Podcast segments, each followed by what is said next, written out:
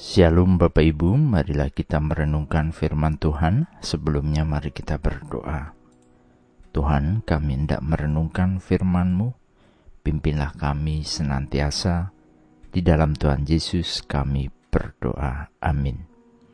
Bacaan saat ini diambil dari Mazmur 112 ayat 1. Mazmur 112 ayat 1. Haleluya!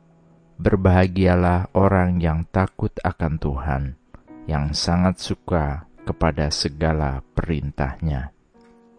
Semua orang pastilah menginginkan kebahagiaan. Kebahagiaan adalah perasaan emosi yang muncul karena keyakinan dalam batin bahwa semuanya akan baik, menyenangkan, gembira, puas, sejahtera, dan sebagainya. Untuk mencapai ini, orang mungkin membuat suatu keputusan atau tindakan berdasarkan apa yang mereka pikirkan sendiri, dan kemudian manusia mengukur kebahagiaan dengan semua yang mereka capai, inginkan, dan miliki.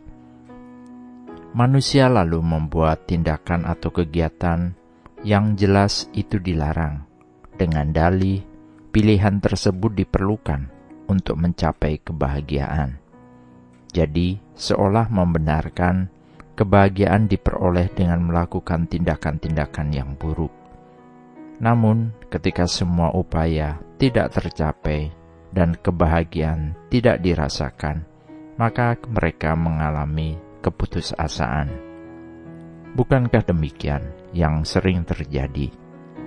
Sebagai orang percaya, kita diingatkan bahwa kebahagiaan tidak bergantung pada memiliki semua yang kita inginkan. Kita diajarkan bahwa Tuhanlah sumber kebahagiaan itu, dan kita diundang untuk mengakui Tuhan, Sang Sumber Kebahagiaan. Hal yang perlu kita kerjakan dan lakukan adalah seperti dalam bacaan saat ini. Berbahagialah orang yang takut akan Tuhan yang sangat suka kepada segala perintahnya. Perintah Tuhan adalah pedoman kehidupan kita. Hidup kita bukanlah dari apa yang kita upayakan sendiri, namun bersumber dari Tuhan. Tuhan yang merancangkan semuanya bagi kita. Tuhan yang merancangkan jalan bagi kita. Yesaya 55 ayat 9 menulis, Seperti tingginya langit dari bumi, demikianlah tingginya jalanku dari jalanmu, dan rancanganku dari rancanganmu. Ketika kita mereka-reka untuk kebahagiaan kita dengan cara jalan kita sendiri, maka kita perlu berhati-hati. Bisa saja kita akan kecewa. Kita diingatkan, dosa pun dapat menghasilkan perasaan bahagia ketika kita mendapatkan apa yang kita inginkan namun, bukan itu yang Tuhan mau dari kita anak-anaknya untuk kita lakukan. Tuhan memang ingin kita bahagia, dan Dia telah menyediakan semuanya yang kita butuhkan untuk hidup ini, yaitu ketika kita mau hidup saleh melalui Yesus Kristus.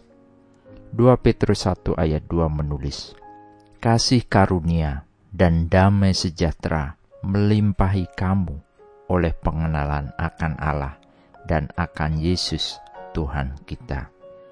Kasih karunia dan damai sejahtera yang melebihi kebahagiaan itu sendiri telah tersedia.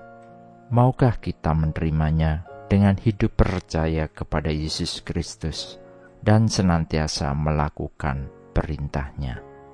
Amin. Mari kita berdoa.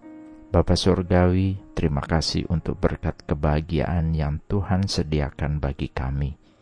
Kami mau terus hidup percaya kepada Tuhan dan taat setia pada perintah Tuhan.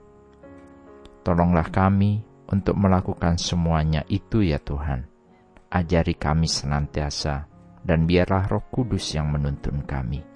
Di dalam Tuhan Yesus kami berdoa dan memohon. Amin. Tuhan Yesus memberkati. Shalom.